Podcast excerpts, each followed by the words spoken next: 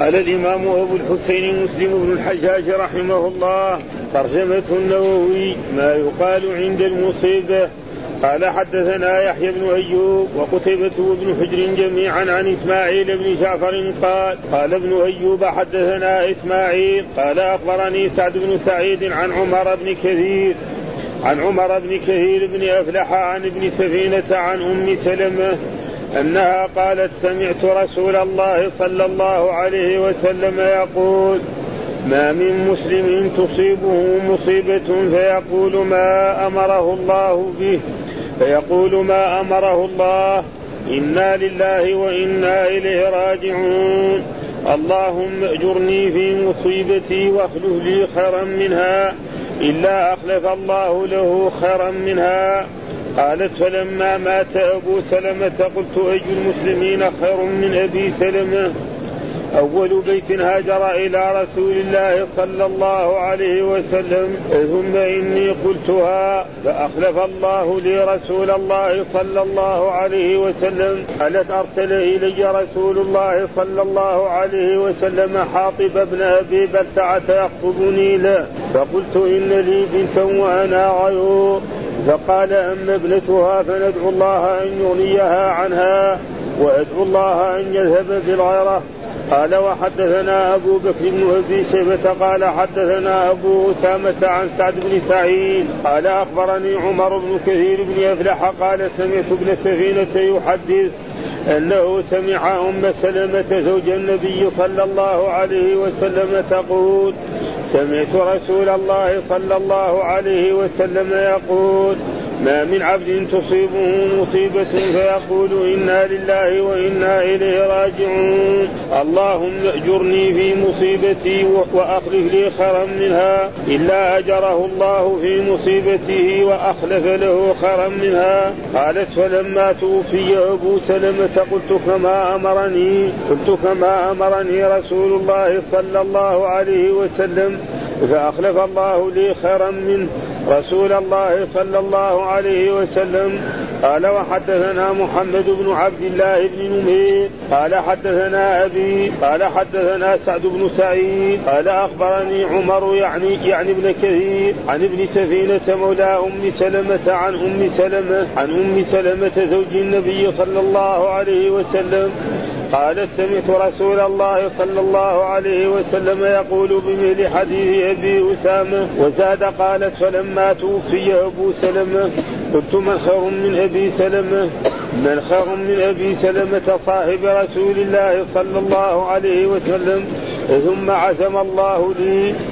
فقلتها قالت فتزوجت رسول الله صلى الله عليه وسلم. قال وحدثنا أبو بكر بن أبي شيبة وابو كريب قال حدثنا ابو معاوية عن الأعمش عن شقيق عن أم سلمة قالت قال رسول الله صلى الله عليه وسلم إذا حضر إذا حضرتم المريض أو الميت فقولوا خيرا فإن الملائكة يؤمنون على ما تقولون.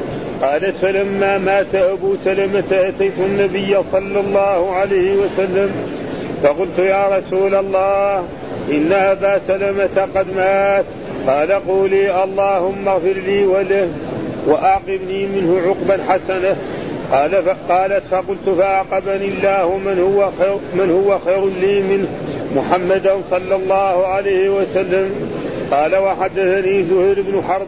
قال قال حدثنا معاوية بن عمرو بن عمرو. قال حدثنا أبو إسحاق الفزاري عن خالد الحذاء عن أبي قلابة عن قبيصة بن ذهيب عن أم سلمة قالت دخل رسول الله صلى الله عليه وسلم على أبي سلمة وقد شق بصره فأغمضه ثم قال إن الروح إذا قبض تبعه البصر فضج ناس من أهله فقال لا تدعوا على أنفسكم إلا بخير فإن الملائكة يؤمنون على ما تقولون.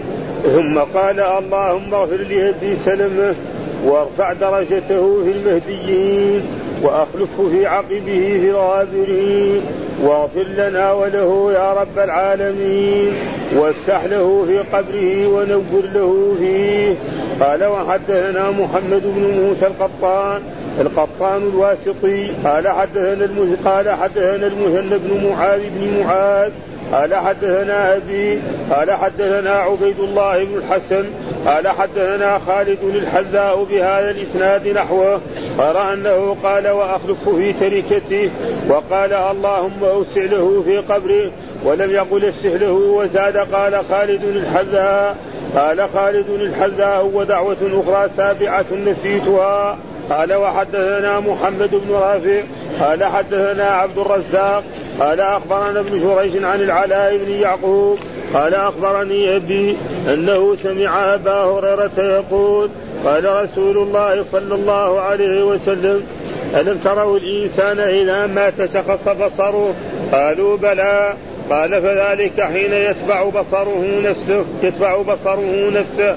قال وحدثناه قتيبة بن سعيد قال حدثنا عبد العزيز يعني الدار وردي عن العلاء بهذا الإسناد. قال وحدثنا أبو بكر بن أبي شيبة وابن نمير وإسحاق بن إبراهيم كلهم عن ابن عيينة قال ابن نمير.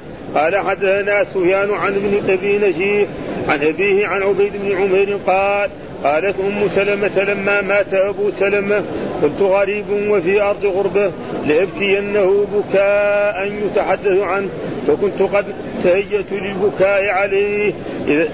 إذ أقبلت امرأة من الصعيد تريد أن تسعدني. فاستقبلها رسول الله صلى الله عليه وسلم وقال أتريدين أن تدخل الشيطان بيتا أخرجه الله منه مرتين؟ فكففت عن البكاء فلم أبكي. قال وحدثنا أبو كامل الجحدري قال حدثنا حماد يعني بن زيد عن عاصم الأحول عن أبي عثمان النهدي عن أسامة بن زيد قال كنا عند النبي صلى الله عليه وسلم فارسلت إليه إحدى بناته تدعوه وتخبره وتخبره أن صبيا لها أو ابنا لها في الموت.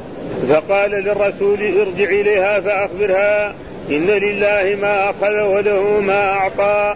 وكل شيء عنده بأجل مسمى فمرها فلتصبر ولتحتسب فعاد الرسول فقال إنها قد أقسمت لتأتينها. قال فقام النبي صلى الله عليه وسلم وقام معه وقام معه سعد بن عبادة ومعاذ بن جبل وانطلقت معهم فرفع إليه الصبي ونفسه تقعقع كأنها في شنة. ففاضت عيناه فقال له سعد ما هذا يا رسول الله قال هذه رحمة جعلها الله في قلوب عباده وإنما يرحم الله من عباده الرحماء. الحمد لله رب العالمين والصلاة والسلام على سيدنا ونبينا محمد وعلى آله وصحبه وسلم أجمعين قال الإمام الحافظ أبو حسين مسلم الحجاج القشيري النيسابوري رحمه الله تعالى والكتاب الذي نحن نقرأ كتاب الجنائز وكتاب الجنائز يتعلق بالموتى. وهناك وهذا القيام بشؤون الموتى يعني فرض كفاية. إذا قام به البعض سقط عن البعض. وهذه الخمسة التي هي كفاية أن الميت إذا مات وهو مسلم أن يغسل. هذا واحد. الشيء الثاني أن نعم بعد ذلك أن يكفن. ثم بعد ذلك يحمل ثم يصلى عليه ثم يدفن هذه حقوق كفايه فإذا قام بها البعض سكت وإذا مات مسلم. نعم وقال الناس الذين علموا أنه مات لا شأن لنا به فإنهم يأتمون الذين علموا. لا لا يأتم جميع المسلمين أو جميع القرية أو جميع البلد. ها الذين علموا ذلك فيجب على جملة منهم أن يقوموا بغسله نعم ثم تكفينه ثم حمله ثم الصلاة عليه ثم دفنه. هذا فرض كفايه إذا قام به البعض سقط عنه.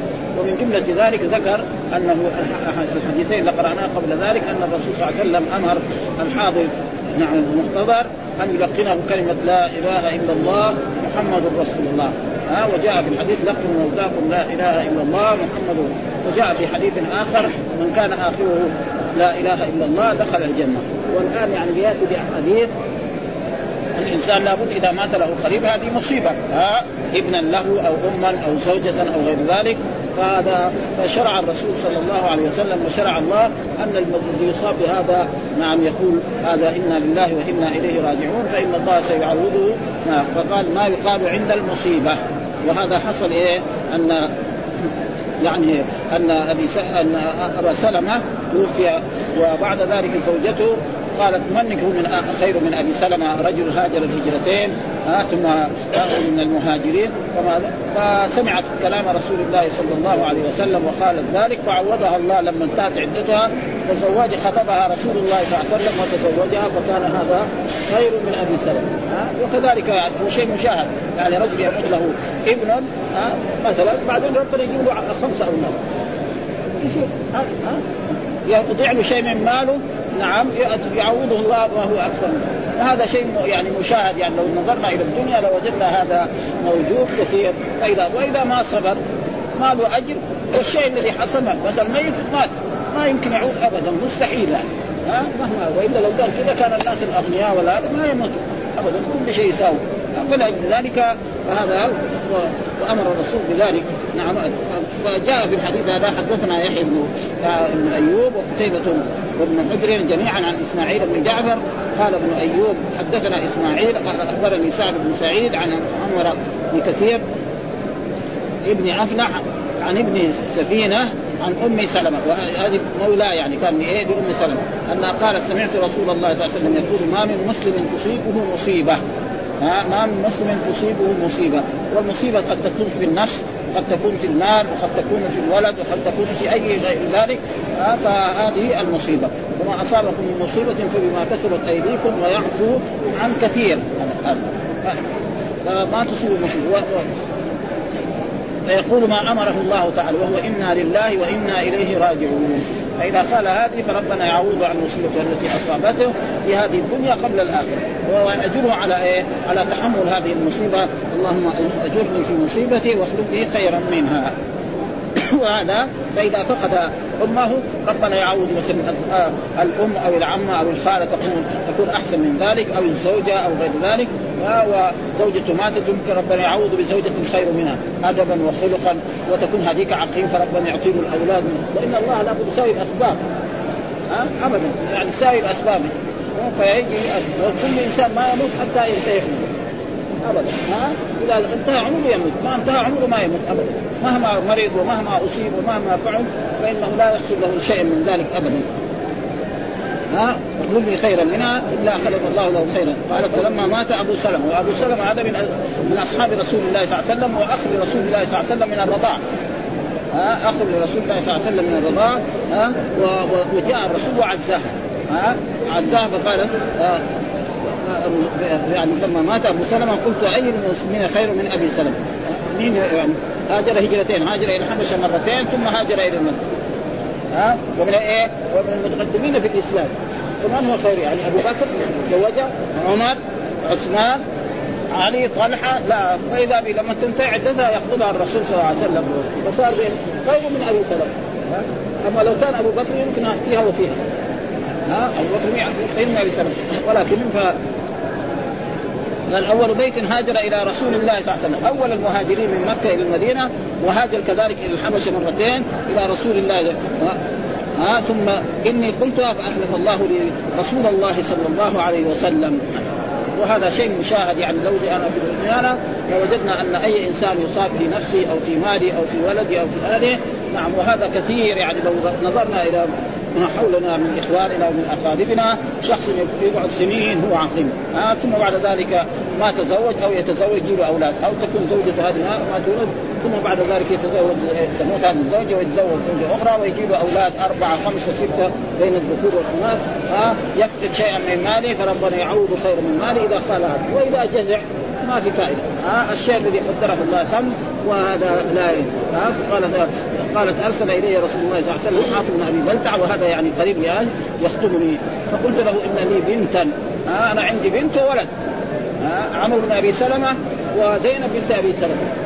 ومعلوم أن الرجال ما يحبوا المرأة التي عندها أولاد منهم يعني أغلب الرجال ما يبغى. هذا انه يجيب أولاد يصير مشاغبات يعني في فقال لا البنت هذه نعم يعني يغنيها الله أبدا. والولد هذا كذلك فتربيا في بيت رسول الله صلى الله عليه وسلم وكان على أحسن إيه آداب تعلموها من رسول الله من بيت رسول الله صلى الله عليه وسلم. ثم قالت إنها عندها غيرة لأن المرأة إذا كان عندها غيرة ما تحب إيه تتزوج رجل عنده عنده مرأة. والرسول ذاك الوقت عنده يمكن خمسة خمسة نساء لأن الرسول يعني كان لما توفي عنده تسع نسوة في إيه في عصمته وذاك الوقت يعني يمكن في أول الإسلام يعني يمكن كان في خمسة. قال تكونوا اثنين يصيروا فلذلك فقال لها الرسول إن الله يذن فدعا لها الرسول فذهبت إلى البيت فارتاحت تمام وكانت مع أزواج رسول الله صلى الله عليه وسلم كالأخوات. قال فندعو الله أن يغنيها. وبالفعل كبرت. وتعلمت من رسول الله صلى الله عليه وسلم وتعلمت من بيت رسول الله صلى الله عليه وسلم كثير وكذلك عمرو وسلمة كذلك كبر سنه وأصبح من أصحاب رسول الله صلى الله عليه وسلم وتعلموا وكان يروي الاحاديث عن رسول الله صلى الله عليه وسلم. فهذا فهم من ذلك أن الإنسان إذا أصيب بمصيبه أن يدعو بهذا الدعاء فإنه إذا دعا بهذا الدعاء ربنا يبدله خيرا من إيه؟ مما فاته من ولد أو من قريب أو من مال أو من زرع أو غير ذلك، وهذا فيه إرشاد من رسول الله صلى الله عليه وسلم والصبر ينقسم إلى أقسام يعني. الصبر يعني له ثلاثة أقسام، الصبر على طاعات الله حتى يحصلها. يعني الإنسان اول لازم يصبر على الطاعة، مثلا رجل يبغى يصلي الفجر. أول ما يبتدي يشوفه اثقل من الجبل. ها؟ يبغى له يقوم ولا واحد يقوم ولا يجيب ساعة ويحطها عنده تمام حتى يقوم ويروح يصلي. اليوم الأول اليوم الثاني الثالث بعد سنة يصير قبل الأذان هو صاحي. صار هو شيء مرتاح هو له ولو يوم واحد ما, ذلك الصبر على المعاصي حتى يصبر على المعاصي. رجل مثلا ربنا يعني له من زنا أو من سرق. ودائما يرجع. مرة في مرة إليه بعد ذلك. لأن الله الصلاة الشائي والمنكر.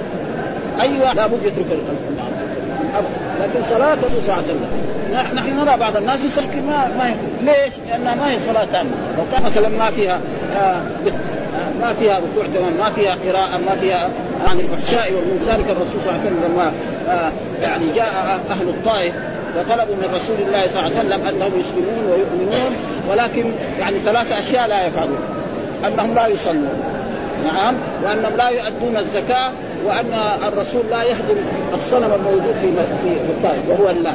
الرسول قال لهم أما الصلاة لا بد منها. أما الزكاة فلا تؤدي فالصحابة قالوا طيب الله قرن الصلاة بالزكاة في القرآن. قال لا إذا صلوا خلاص يعني وبالفعل. ها وأما الصنم هذا لا شأن نفس من يهديه ولذلك الرسول أرسل أحد الصحابة فهذا من ها الصلاة لا بد منها. فبعد ما أسلموا وبعده بأنفسهم أتوا بالزكاة لرسول الله صلى الله عليه وسلم. ولذلك الصلاة مثل هذا. ها إن الصلاة تنهى عن الفحشاء والصبر كذلك على أقدار الله. هذا الصبر على أقدار. يعني هذا الحديث فيه الصبر على إيه؟ أقدار. ما قدره الله من إيه؟ من فقد مال أو من أهل أو من زوجة أو من بنت أو من ولد. آه هذا وهذا. يعني فإذا صبر فإن الله سيعوضه خيرا منه. ها وأدعو الله أن ينزل بالغيرة وبالفعل ذهبت الغيره عنها وأصبحت مع زوجات رسول الله صلى الله عليه وسلم كانهم إخوة لا في خصومة ولا في شقاق بخلاف الرجل الان في عصر لو تزوج زوجة له زوجتان في البيت مرات يحصل بينهم أشياء كثيرة وخصوصا في في في, في الزمن الحاضر يعني. هذا المرأة تبقى بيت لحالها مستقل. والحديث الثاني بس مثل حديث. قال حدثنا أبو بكر بن أبي شيبة حدثنا أبو أسامة عن سعد بن سعيد قال أخبرني عن كثير بن أفلح قال سمعت ابن سفينة ها وهي مولى لأم سلمة أنه سمع أم سلمة زوج النبي صلى الله عليه وسلم تقول سمعت رسول الله صلى الله عليه وسلم يقول ما من عبد تصيبه عبد ما من عبد. والمراد بالعبد هنا العبد المؤمن العبد المسلم. أما العبد الكافر زي بعض ها ما من عبد تصيبه مصيبة نعم فيقول إنا لله وإنا إليه راجعون. اللهم اخبرني في مصيبتي وخذني خيرا منها إلا آجره الله في مصيبتي واخلفه خيرا منها. وهذا يعني يتمثل في قصة أم سلمة فانه لما مات زوجها وقالت ما قال أمرها رسول الله صلى الله عليه وسلم أن تقول نعم ربنا أخلفها من هو خير من ابي سلمة وهو رسول الله صلى الله عليه وسلم فرسول الله صلى الله عليه وسلم خطبها وتزوجها ونشأت بنتها وولدها في بيت رسول الله صلى الله عليه وسلم. على اخلاق فاضله كريمه وهذا بامتثالها أمر رسول الله صلى الله عليه وسلم فكانت هي تقول ومن خير من ابي سلمه هل هو ابو بكر أو عمر أو عثمان فاوجلها الله رسول الله صلى الله عليه وسلم وهكذا يعني اي انسان من المسلمين يحصل له مثل ذلك فيقول هذا الدعاء فان الله سيخلفه خيرا منه مع مع مع ما فيه من الايه من الاجر والثواب وقال كذلك حدثنا وقال الإمام مسلم وحدثنا محمد بن عبد الله بن نمير حدثنا أبي حدثنا سعد بن سعيد أخبرني عم يعني ابن كثير عن عن ابن سفينة ها وهو ابن مولاة لأم سلمة أم سلمة عن أم سلمة زوج النبي صلى الله عليه وسلم قال سمعت رسول يقول بمثل حديث أبي أسامة وزاد قال فلما توفي أبو سلمة قلت من خير من أبي سلمة؟ صاحب رسول الله صلى الله عليه وسلم ثم عزم. يعني عزم معناه يقول خلق فيها ها وكل حال الإمام النووي يؤول يعني جعل في في نفسها أو ألهمها أو غير ذلك لكن هو يقول معناه خلق في نفسها فلما هذا يعني جعل في نفسها أو خلق في نفسها أن تقول هذا مثل ما أخبرها رسول الله صلى الله عليه وسلم فإن أمر رسول الله فيه الخير وفيه الرشاد فقلتها قال فتزوجت رسول الله صلى الله عليه وسلم. فأبدلت من هو خير من بعد ما كان صحابي صار رسول الله صلى الله عليه وسلم خاتم النبيين وخاتم المرسلين أفضل البشر على الإطلاق. بعد ما كان أبي سلمة. وهكذا في أي إنسان مثل ذلك. وقال هنا في يعني فسرها الإمام النووي كما سبق. قال ثم عزم الله لي فقلتها. أي خلق في عزما. وقد سبق في شرح أول خطبة آه مسلم. نعم أن فعل الله تعالى لا يسمى عزما من حيث. أن فعل الله أن فعل الله تعالى لا يسمى عزما من إيه؟ من حيث أن حقيقة العزم حدوث رأي لم يكن. والله منزه عن يعني هذا تفسيره وهو حقيقة الإمام النووي يؤول. ونحن لو قلنا عزم عزما يليق بجلاله وعظمته. ما في شيء. ها؟ فإن أسماء الله وصفات الرب والصفه لما توصف بها الله لها معنى ولما يوصف بها المخلوق لها معنى آخر وليس فيه يعني أي شيء. الإمام النووي يعني يعني إمام عظيم ولكن هذا المذهب السائد كان. يعني الأشعرية والماتريديه هو المذهب السائد أنه يعني يعني مذهب السلف في الأسماء يثبتون بعض الصفات وينفون بعض الصفات أو يؤولونها. ها؟ يعني يثبت بعض الصفات زي العشرين الصفة ويؤولون غيرها. مثلا زي الوجود والقدم والبقاء ومخالفة الحوادث والقيام بالنفس والوحدانيه والإرادة والباقي يؤولون هكذا الاستواء والوجه والرضا والسخط وغير ذلك والنزول. نعم والرضا. كل هذا كانوا يأولون أهل السنة يقولوا لا. ها؟ يقول وكان الصحابة رضوان الله تعالى عليهم على ذلك. ويبقى وجه ربك يقول ذاته. هذا يقولوا يعني هم يأولون ذلك. ونحن نقول يبقى وجه ربك. ها وجه يليق بجلاله وعظمته. احتاج ما وكذلك مثلا وجاء ربك يعني ما نقول جاء أمره. كثير كتب الآن كتب تفسير يعني يعني تفسير الجلالين. ها يقول وجاء أمره. كذا ما ما في حاجة إلى جاء ربك مجيئا يليق بجلاله وعظمته. كذلك ينزل نزولا يليق بجلاله. وهكذا يكون أحسن لنا وأثبت يعني. ثم قال حدثنا أبو بكر بن أبي شيبة وأبو كريب قال حدثنا أبو معاوية عن الأعمش عن شقيق عن أم سلمة قالت قال رسول الله صلى الله عليه وسلم إذا حضرتم المريض أو الميت فقولوا خيرا. يعني إذا حضر الإنسان المريض أو الميت مثلا مريض فلا فينفس عليه. ها يقول له مثلا لا بأس عليك شفاك الله. ها يقول أن اليوم وجهك خير من احسن زرتك أمس كان عليك آثار التعب الآن. فهذا في في أمل يعني ويدعو له كذلك فيدعو له. فإذا هذا وإذا أراد قدر الله عليه الموت يموت. ما يمكن أو الميت كذلك إذا حضر الميت كذلك فقولوا خيرا. وقد جاء في أحاديث سيأتي بعد بعد ذلك أنه يعني كان رسول الله صلى الله عليه وسلم جالسا ومرت جنازه فأثنوا عليها. ها قالوا هذا مين هذا؟ قال فلان محمد أو فلان كذا. ها صفته كذا. هذا طيب وهذا كذا أخلاقه طيبة ورجل صالح قال وجبت. فسألوا الرسول ما وجبت؟ قال وجبت له الجنة. وآخر جنازة مرت. نعم فاثنوا عليها شر. هذا كان شرير وكان كذا كذا. فقالوا وجبت أنتم شهداء الله فالإنسان يعني ولا كذلك لا يكون إيه شهادة الزور. زي ما يفعل بعض البلاد. لا إذا نزل يحطوه عند الباب. ثم يقول له ولو كان هو من المرتكبين يقولوا خير لأنه قدام اولاده واهله فشهاده الزور تمشي عند عند الحكام عند القضاة. لكن ربنا ما شهاده الزور ما تنفع لأنه أعلم بعبده. ها فقولوا خيرا فإن الملائكة يؤمنون على ما تقولون. فإذا اثنى الجنازة أو الميت هذا ها تقولون وإذا كذلك دعونا له بالشفاء الملائكة يقولوا نعم آمين آمين. ربنا يشفيه وكم من مريض مرض مرضا شديدا وشفاه الله وعافاه وعاش مدة من الزمن. فلما مات آتيت النبي صلى الله عليه وسلم فقلت يا رسول الله إن أبا سلمة قد مات. يعني بعد ما انتهى هذا فقال قولي اللهم اغفر لي وله. ها؟ ودائما الإنسان إذا أراد يدعو يدعو لنفسه اولا قبل إيه؟ وله اقلني منه عقبة حسنة. يعني يخلق لي خيرا من بمعنى قال. قلت فعاقبني الله من هو خير لي منه محمدا صلى الله عليه وسلم. ما هو لا أبو بكر ولا هو عمر ولا هو عثمان ولا هو علي ولا هو طلحة ولا أحد من الأنصار بل الرسول صلى الله عليه وسلم محمد الذي أنقذ الأمة هو الذي إيه؟ اخلفني وتزوجني وعشت معه. نعم المدة قدرها الله وكذلك الحديث وقال حدثنا زهير بن حرب حدثنا معاوية بن عمرو حدثنا أبو إسحاق الفزاري عن خالد الحتى عن أبي قلابة عن قبيصة ابن دؤيب عن أم قالت دخل رسول الله صلى الله عليه وسلم على أبي سلمة وقد شق بصره فأغمضه. ها آه وكذلك هذا مما يشرع الإنسان إذا مات فيرفع بصره إلى السماء لأنه ينظر إلى إلى الروح التي خرجت منه نعم ويصعد بها الملائكة فيغمض عينه لا بأس الناس تراهم هنا يأتوا بمال ويغمضوا بعينه عشان لا تكون وكذلك هذا يؤدي إلى تغير الميت. لما يغمض عينه يعني يصير كانه نايم. وهذا شيء مشاهده ها إنسان يموت يغمض عينه مثلا يجي بعد ساعة أو ساعتين كان أما لو ترك هكذا نعم يمكن تكون مفتحة واذا طول فيه يتغير. يعني بعض الناس يتغير وبعض الناس كانه كأنه نائم. بس ما يتحرك ها فقد شق بصره فاغمضه يعني أغمض عينيه ثم قال إن الروح إذا قبض تبعه البصر. ينظر إليه. ومعلوم أن والروح هذه إيش هي؟ يعني بعضهم يقول الروح هي الدم وبعضهم يقول كذا يقول معناه إنه إذا خرج الروح من الجسد يتبعه البصر ناظرا أين يذهب؟ ها؟ وفي الروح لغتان التذكير والتأنيث.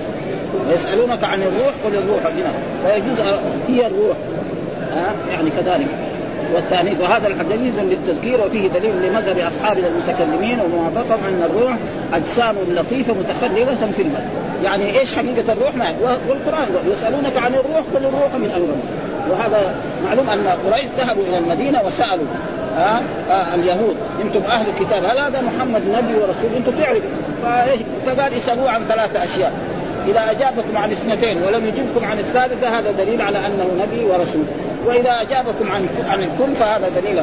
فسالوه عن يعني عن فتية لهم قصه في التاريخ عجيبة وعن شخص طوف الاقطار مشارقها ومغاربها وعن الروح. فأجابهم الرسول عن عن يعني أهل الكهف وعن مثلا ذي القرنين. ولم يقال القرآن قال ويسألونك عن الروح قل الروح من أمر ربي. بعضهم يقول أن الروح الدم. ومعلوم أن الإنسان الآن إذا فقد مثلا صار فيه جراح ولا وخرج الدم الكثير يموت يعني ها؟ ولكن بعضهم يقول النار وعلى كل حال الله قال ما والى الان ما ما بل يعني المخلوق يعني في أشياء يعني اخترعها وهو لا يعرف حقيقتها، الكهرباء هذه الموجودة الآن المصري إيش هي تعريفها؟ علميا يقول قوة. هذا تعريف. ما يقدر يقول نار النووي يقول هي اجسام مخلقة. أيوه يعني أجسام بس. يعني أجسام لكن إيش حقيقتها ما في أحد. إيش هي حقيقتها؟ فهذا يعني تقريبا وهناك من يقول يعني هذا الحديث ويذهب. دليل فيه دليل من المتكلمين أن الروح أجسام لطيفة متخللة في البدن. ومعلوم إذا فقدت هذه الأجسام مات الإنسان. ها؟ كيف إيش؟ ها؟ وتذهب وتذهب الحياة من الجسد بذهابها. وليس عرضا. ها؟ يعني كان كما قاله آخرون ولا دما. لأنه في معارض فاذا يعني شيء استاثر الله به علمه. والروح لها عدة ها؟ وكذلك أوحينا إليك روحا من أمرك. هنا الروح هنا إيه؟ معنى لا هنا القرآن هنا. ومرات أنزله روح القدس. هنا الجبريل. أشياء يعني ما يعني وهذا ان دل يدل على إيه؟ على اللغة العربية. ها؟ ما يمكن يعني. وكذلك يعني في القرآن في والليل إذا عسعس فسر بعض فسر العلماء الليل اذا إذا أظلم. وبعضهم إذا اضاء ولذلك الذين يترجمون القرآن يتعبوا في هذا. يعني شيء عجيب يعني. يجي مثلا يبغى يترجم القرآن إلى لغة غير اللغة العربية. هل يجد في اللغة الإنجليزية أو في اللغة المالية يعني يعني كلمة بمعنى الظلام وبمعنى الضياء؟ يمكن ما يحصل فإذا يفسرها بواحد معنى. يمكن ما ما يمكن ولذلك يعني تقريبا هذا من ما يدل على هذا. عدم تبع البصر فضج ناس من آله فقال لا تدعوا على أنفسكم إلا بخير فإن الملائكة يؤمنون على ما تقولون. ها؟ فإن الملائكة يعني يقولوا ان فإذا قالوا فلان طيب أو أو قالوا شفاه الله أو عافاه أو غفر له. فالملائكة ومعلوم دعاء الملائكة ها؟ أحسن من دعائنا. ثم قال اللهم اغفر لأبي سلمة وارفع درجته في المهديين. ها؟ من الخير. ها؟ واخلفه في عقبه. ها؟ ولذلك أخلفه الله في زوجته وفي ولده وفي بنته. ها فكانوا نشأوا في بيت رسول الله صلى الله عليه وسلم في الغابرين يعني في الباخين. واغفر لنا وله يا رب العالمين. ومعلوم أن هذا الرسول يشرع لنا هذا. الرسول مكتوب له ما تقدم من قبل وما تأخر ولكن نحن يأمرنا امته إذا مات لنا قريب أن ندعو بهذه الأدعية التي وردت عن رسول الله صلى الله عليه وسلم في لما مات آه، أبو سلمة صاحب رسول الله صلى الله عليه وسلم. وحدثنا محمد بن موسى القطان الواسطي حدثنا المسلم بن معاذ ابن معاذ حدثني أبي حدثنا عبيد الله بن الحسن حدثنا خالد بن الحذاء بهذا الإسناد نحوه غير أنه قال أخرجه في تركته.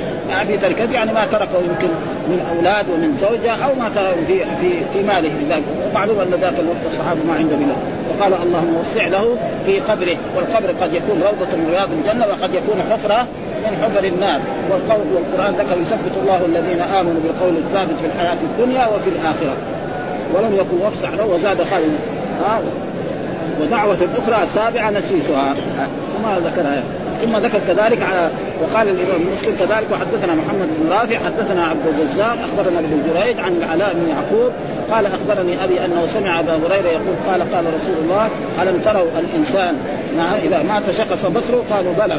قال فذلك حين يتبع بصره نفسه نعم فتجد الآية مفتوحه عينه إذا تنظر إلى يمين الباب الروح إما تذهب إلى عليين وإما تذهب إلى سجين. ومعلوم أن الروح لما تخرج يأتي بها ملك الموت إلى إلى باب السماء فيستأذن فيفتح له من هذا؟ يقول فلان ابن فلان يحسن الأسماء إلى السماء الأولى إلى السماء الثالثة تشيعه الملائكة إلى السابعة. ثم يقول وهو أعلم به رد نعم عبدي إلى الأرض فانه منها خلقته ومنها نعم إلى غير ذلك من الآيات. فذلك حين يتبع بصر وقال وحدثنا قتيبة بن سعيد حدثنا عبد العزيز عن الدراوردي عن علاء بهذا الإسناد. فيعني معنى ذلك ان أن الرسول يأمرنا أن إذا مات لنا أحد من أقاربنا من إخواننا أن نغمض عينيه وأن ندعو له ولا نقول إلا خيرا فإن الملائكة يامرون على ما يقول الحاضرين في إيه؟ في, في عند الميت ثم ذكر كذلك حدثنا قال حدثنا أبو بكر بن أبي شيبة وابن نمير وإسحاق بن إبراهيم كلهم عن عن ابن عيينة. قال ابن نمير حدثنا سفيان عن ابن نجيح الحين قال حدثنا هناك قال عن ابن عيينة. وهذا يعني ما هم إيه؟ من المدلسين عنه. حدثنا سفيان عن ابن أبي نجيح عن أبيه عن عبيد الله بن عمير. قالت قال أم سلمة لما مات أبو سلمة كنت غريب في وطن غربه ها؟ لأبكينه بكاء يتحدث عنه. يتحدث عنه فكنت قد تهيأت للبكاء عليه إذا أقبلت امرأة من الصعيد تريد أن تسعدني ففي هذا الحديث برضه الحديث عن إيه؟ عن أم سلمة. لما مات أبو سلمة وهو زوجها وكنت غريب يعني لأنه بلده مكة وجاء مات في المدينة. ومعلومة يعني هذا في يعني في فوائد وفي أجر يعني الرجل يعيش في بلد و... و... ثم أجر المهاجر. ولذلك الرسول صلى الله عليه وسلم لما ذهب إلى مكة في عام الفتح في حجة الوداع ما جلس في مكة ولا شيء. ها يعني حتى في حجة الوداع هناك في مكه جلس في في عام الفتح يمكن 18 يوم أو 17 يوم. وفي حجة الوداع كل الأيام الذي جلسها 10 أيام. من يوم يعني آه تقريبا أربعة من الحجة إلى ليلة 13 وخرج إيه؟ عشان المهاجر ما يبغى يبقى في البلد التي فمعناه هذا في أجل. وجاء في بعض الأحاديث يعني أنه سيكتب لهم خطوات من البلد التي هاجر منها إلى البلد. نعم التي يعني كان فيها إلى البلد التي هاجر. ولذلك يكون رجل غريب نعم في انه هنا ما في أقارب. آه أبناء عمه وأبناء لا ما في. وفي أرض غربة لأبكينه. يعني معناه اللام موقعه والله يعني هذا أبكينه. وهذا معروف أن أهل الجاهلية كانوا يفعلون ذلك. نعم فكنت قد تهيأت للبكاء عليه. إذ أقبلت امرأة من الصعيد والمراد الصعيد ليس صعيد مصر يعني من العوالي لأنه كل ما علا يسمى صعيد فالصعيد ما ما في المدينة صعيد ولا يمكن واحدة مثلا تجي من الصعيد في يوم واحد أو في هذا والمراد بالصعيد فسره بالعوالي، العوالي بالنسبة للمدينة هنا يعني مرتفع الآن العوالي الموجود عندنا يعني مرتفع بالنسبة إلى المدينة فجاءت امرأة لتساعده وكان معروف أن الناس يفعلون ذلك. ويكفي ذلك أن أم عطية لما الرسول صلى الله عليه وسلم يعني منعهن من النياحة قال لا يجوز أن تروح المرأة ولا تبكي لأن إذا فعلت من ذلك انها نعم سيكون لها يوم القيامة سربال من نار فقالت هذه يعني يا رسول الله إن امرأة فلانة يعني ناحت معنا فيما سبق وأنا أريد أن فرخص لها الرسول صلى الله عليه وسلم أن تبيح معه. هذه المرأة ومعلوم أن أهل الجاهلية كانوا يفعلوا من ذلك يعني هذا يعني الحديث الذي المراد هذا. السعيد قال هنا عوالي المدينة وأصل الصعيد ما كان على وجه الأرض. ها؟ تسعدني أي تساعدني في البكاء والنور. وهذا لا يجوز. الإسلام لا يجوز. أما البكاء بالدموع فهذا لا بأس بذلك ها؟ يعني إذا مات الميت قال لاخواني ولاقاربي ولاولادي فإذا بكوا في الدموع فهذا وأما النياحه من يفعل لنا كذا ومن كذا أو يشق الثياب فهذا فيه وعيد شديد من رسول الله صلى الله عليه وسلم. وأن تقول الإنسان بالله ما أخذ وله ما آية فكنت قد تهيأت وإذا اقبلت امرأة تريد أن تسعدني فاستقبلها رسول الله صلى الله عليه وسلم وقالت تريدين أن تدخلي الشيطان بيتا أخرجه الله من يعني إذا كان آه، صاحت وبكت آه، آه، وهذا معلوم في جميع البلدان يعني يفعلون ذلك. فيجب إيه؟ التسليم لإيه؟ فأخرجه الله مرتين فكفكفت عن إيه؟ عن البكاء فلم أبكي. امتثلت أمر رسول الله صلى الله عليه وسلم. وأما البكاء بالدموع فهذا جائز فإن رسول الله صلى الله عليه وسلم ثبت أنه لما يعني مات ولد صغير لأحدى بناته أنه بكى ولما كذلك مات إبراهيم عليه السلام بكى الرسول صلى الله عليه وسلم فإن هذا ليس فيه أي شيء. ما ممنوع وهنا قال معنى معناه الحث على الصبر والتسليم لقضاء الله وتقديره وأن هذا الذي أخذ منكم كان له لا لكم. والحديث اللي بعد كذلك قال حدثنا ابو أبو كامل الجحدري حدثنا حماد يعني بن زيد عن عاصم الأحول عن أبي عثمان النهدي عن أسامة قال كنا عند النبي صلى الله عليه وسلم فأرسلت إحدى بناتي تدعوه وتخبره أن صبيا لها أو ابنا لها في الموت فقال للرسول ارجع إليها فأخبرها إن الله إن لله ما أخذ وله ما أعطى وكل شيء عنده باجل مسمى فمرها فلتصبر ولتحتسب فعاد الرسول فقال لها إنها قد اقصرت لتاتينا فقام النبي صلى الله عليه وسلم وقام معه سعد بن عبادة ومعاذ بن جبل وانطلقت معهم. فرفع فرفع إليه الصبي ونفسه تتقعقع كأنها في شنه ففاضت عيناها فقال له سعد ما هذا يا رسول الله؟ قال هذه رحمة جعلها الله في قلوب عباده وإنما يرحم الله من عباده الرحماء ها؟ فالبكاء اذا جائز. ها إذا مات الميت فللرجال وللنساء ولأي أحد إن بكى بالدموع فإن ذلك جائز. وأما الممنوع فهو النياحة وتعداد المحاسن ومن يفعل لنا كذا ومن يفعل كذا ومن يدخل علينا فهذا الذي هو ممنوع الذي نهى عنه رسول الله صلى الله عليه وسلم. فيقول في هذا يعني بينما كان الرسول جالسا في هذا المسجد ويعني أرسلت إحدى بناته. ها احدى بنات الرسول التي كنا موجود وهي زينب نعم أو رقية أو غير ذلك. هو تخبيره أن صبيا لها أو ابنا لها يعني طفل صغير في إيه؟ في الموت يعني في إيه؟ خطر ها في النزع فقال للرسول المرسل ارجع إليها فأخبرها إن لله ما أخذ وله ما أعطى.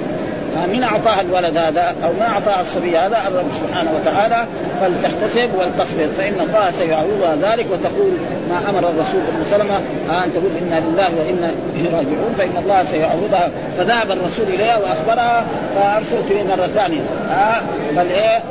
ان تقسم بالله إنه لا ياتينا ها يعني أنا أريد أن تأتيني. ومعلوم الرسول لما تحلف فيها والله لتاتين فقام الرسول وقام معه اصحابه هذا سعد بن عبادة ومعاذ بن جبل وانطلقت معهم الذي هو أسامة. ها؟ حب رسول الله وابن حبه. نعم. فرفع رفع إليه الصبي ونفسه تتقعقع. يعني إيه؟ يعني في إيه؟ في صدره. روحه في صدره الآن ما خرجت. لسه وكأنه في شن. في شن. والشن معنى القربه القديمه ومعلومه القربه اذا حطينا فيها الماء يصير لها إيه؟ صوت. يعني ها فبكى الرسول صلى الله عليه وسلم. ادمعت عيناه فقال له سعد يا رسول الله أنت كذلك؟ ها؟ ها؟ فظن إن الرسول يمكن نسي. يعني اراد يبكي على بل الرسول نسي إنه ما يصح البكاء. فقال لا هذه رحمة. وقد حصل ذلك أن لما مات إبراهيم عليه السلام ابن الرسول الرسول بكى. وقال أنا في فراقك يا إبراهيم. فإن لا نقول إلا ما يرضي الرب سبحانه وتعالى مثل هذه الكلمات فليس فيها أي شيء. وأما البكاء بالدموع فلا وأما الممنوع هو النياحه والتسخط وعدم وان الميت مات ما يمكن يرجع ابدا مهما فعل. ما في ميت رجع ابدا. فأمر الله تم وكل له كل له أجل. ما يمكن لا يزيد ولا ينقص. ولذلك القرآن يقول لا يستخدم ساعة ولا يستخدم يعني دقيقة بعد ما تغلق الدقيقه قبلها ما يمكن. ذلك الميت لا يموت حتى ينقضي رزقه. يشرب الماء اللي يشربه والحبوب اللي يشربها والإبر اللي كلها حتى تنتهي. ما يبقى منها شيء بعدين. وإذا باقي له حق من الحبوبات اللي يأخذها والادويه لابد حتى تنتهي. وهذا شيء مشاهد. يعني دائما نراه كل إنسان يعني مر عليه مثل ذلك. فأقسمت لتأتينها فقال فقام رسول الله وما وقام معه سعد بن عبادة ومعاذ بن جبل هذا من الأنصار وانطلقت معه فرفع ورفع إليه الصبي ونفسه كأنها في شن ففاضت عيناه. ها خرجت الدموع من عيناه رسول الله فقال له ما هذا يا رسول الله؟ ليش قال هذا؟ يعني يظن أن الرسول نسي. يعني وهذا لا بأس وهذا كذلك فيه دليل على أن مثلا الإنسان الكبير لا بأس أن يزول يزور يعني يعني هذه بنته يعني هذا يجي في الحديث ولا بعد؟ يعني بعد بعد هذا الرسول زار إيه؟ صحابي من اصحاب رسول الله صلى الله عليه وسلم بعد هذا الحديث. معناه الحث على الصبر والتسليم لقضاء الله تعالى وتقديره وأن هذا الذي أخذ منكم كان له لا لكم. وقد حصل ذلك لأبي طلحة إن أبا طلحة الأنصاري كان له طفل صغير مريض ها؟ فخرج ثم لما رجع وجد الطفل مات. فاخذته هنا وحطته في جهه من الجهات فلما جاء قال لها كيف الطفل؟ قال لا هو أحسن. نفسه سكنت. يعني معناه مات. هو فهم إنه يعني تحسنت حاله الصحية وتجملت له وأطعمته عشا ثم تجملت له فاتصل بها إنسان جاء معها فلما جاء معها بعدين في الصباح قالت له يا يا أبا طلحة لو أن إنسان أعطاك وديعة وخلاها عندك ثم اجتربها إيش تقول؟ ولا لا؟ يحتسب ولا لا؟ فعل كيف كذا يعني؟ بعد ما يعني يجامعها ويتعشى ويفعل ذلك فزعل ودخل إلى الرسول فاخبره انه كذا فعلت به أم سليم فقال لعلكم يعني يعني في بكم هذا لعل الله أن يبارك لكما في في ليلتكما هذا. يقول فعل ذلك التابعي أو التابع التابعين ولد له عشره من الأولاد حفظوا القرآن. هذا الولد وأولاده عشره بهذه البركة التي هو الدعاء هذا. فلذلك لابد من الصبر. وإذا ما صبر ما في أجر والقضاء تم ما في بعد فانه ما في أحد يعني مات شخصا ما من أول الدنيا إلى الآن رجع. وإلا كان زي الملوك وناس الاغنياء دول والكفار والمشركون دول كانوا زي ستالين ودول ما يموتوا. كلهم ابدا. وإنما يرحم الله من عباده ضعف وحدثنا محمد بن عبد الله بن نمير حدثنا ابن فضيل حول الإسناد وقال حدثنا أبو بكر بن أبي شيبة حدثنا أبو معاوية جميعا عن عاصم بهذا الإسناد غير أنه أن حديث حماد أتم وأطول. وحدثنا يوسف بن عبد الأعلى الصدفي وعمرو بن سواد سواد العامري قال أخبرنا عبد الله بن وهب أخبرني عمرو بن الحارث عن سعيد بن الحارث عن الأنصاري عن عبد الله بن عمر. قال اشتكى سعد بن عبادة شقوى معنى. اشتكى سعد بن عبادة شقوى معناه مرض. ها ومعنى سعد بن عبادة يعني رئيس الأنصار ها من الخزرج الخزرج فأتى رسول الله صلى الله عليه وسلم يعوده. ها يعني وهذا في دليل الفاضل يعود المفضول وهذا كان من إيه؟ من تواضع رسول الله صلى الله عليه وسلم. الناس الكبار في زمننا هذا الناس العاديين لا يزورون. وهذا كذلك لا بأس أن الرجل الأمير أو الحاكم أو القاضي أو العالم يزور طالب اذا مرض ما في شيء ها؟ هذا. وهذا تأسيا برسول الله صلى الله عليه وسلم فإلا الرسول كان فلذلك هذا قال قال قال اشتكى سعد يعني مرض سعد هكذا في رواية الأكثرين وقال وضبطه بعض بإسلام الشين وتخفيف الياء وفي رواية البخاري في غاشية وكله صحيح وفيه قولان من يخشاه من أهله والثاني ما يخشاه من كرب الموت يعني من شدة المرض ومن هذا لأنه ما مات في ذلك الوقت بل عاش نعم. وكذلك الحديث الثاني يدل على إيه؟ يعني على البكاء وهو حدثنا محمد بن المثنى العنزي حدثنا محمد بن جهبم حدثنا إسماعيل وابن جعفر عن عمارة يعني ابن غزية ابن غزية عن سعيد بن الحارث بن المعلى عن عبد الله بن عمر أنه قال كنا جلوسا مع رسول الله إذ جاء رجل من الأنصار فسلم عليه ثم ادبر الأنصار فقال رسول الله يا اخا الأنصار كيف أخي سعد بن عبادة؟ فقال صالح. ها؟ يعني هو صالح. فقال رسول الله من يعوده منكم؟ يعني كان في أيام مرضه. فقام وقمنا فقام رسول الله وقمنا مع الذي هو يعني سعد بن اخ يا اخ الأنصار ونحن بضعة عشر ها؟ ونحن بضعة عشر من أصحاب والبضعة من ثلاثة إلى إلى تسعة. هذا يسمى إيه؟ بضعة عشر ها؟ فلما نقول بضعة يعني من من ثلاثة إلى عشرة لما نقول بضعة عشر يعني من ثلاثة عشر إلى تسعة عشر. هذا يسمى بضع ها؟ بضع سنين في القرآن والسنة. فيقول ما علينا نعال. يعني كانوا الصحابة دول مع الرسول صلى الله عليه وسلم ما في واحد ها؟ ولا خفاف. وإيش الخف؟ والنعل؟ معروف أن الخف يعني يكون إيه؟ النعل مثلا زي النعل السبتية. والخفاف زي الجزمة الآن أو الخفاف الذي يعني يذكر بها وتكون ساتره للكعبين. لأنه يعني في فرق بين النعل وبين إيه؟ الخفاف. ولا قلانس. قلانس معناه ثوب كبير الذي يلبسه إخواننا المغاربة. كذلك هذا يعني زي العباية. ولا قمص. بل بس واحد منا عنده إزار ورداء هذا اللي أكثر. وشخص مننا بس عنده إزار وما عنده رداء. يعني العلوي هذا مكشوف. والسدري الذي يغطي العورة هو الموجود هذا إيه؟ البضعة عشر. ويمكن رسول الله صلى الله عليه وسلم ما كان هو الذي كان عنده إزار ورداء ها؟ أبدا. ها؟ نمشي في تلك السباق. السباق الذي إيه؟ في جهة معروف أنها سباق. نعم. حتى جئناه واستاخر قومه من حول يعني كانوا حوله إيه؟ اصحاب الذين من الأنصار متكئين فسمحوا لنا وهذا معروف. الإنسان إذا جاء يزور مريض وكان بعض أقاربه عنده. إيش يفعل؟ ها؟ الذي يعود بعده ويجي الكبير ويدخل عليه ويسلم عليه ويدعو له.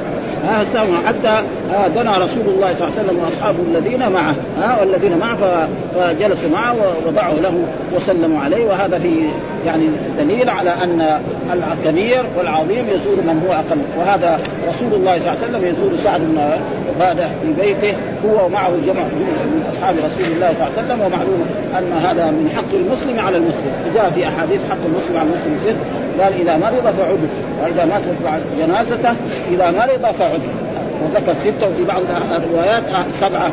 فهذا يعني من المشروع وأن الإنسان إذا عاد الميت له في غرفة الجنة حتى يذهب وحتى يعود وفي غرفة الجنة معناه يعني في في جنى الجنة.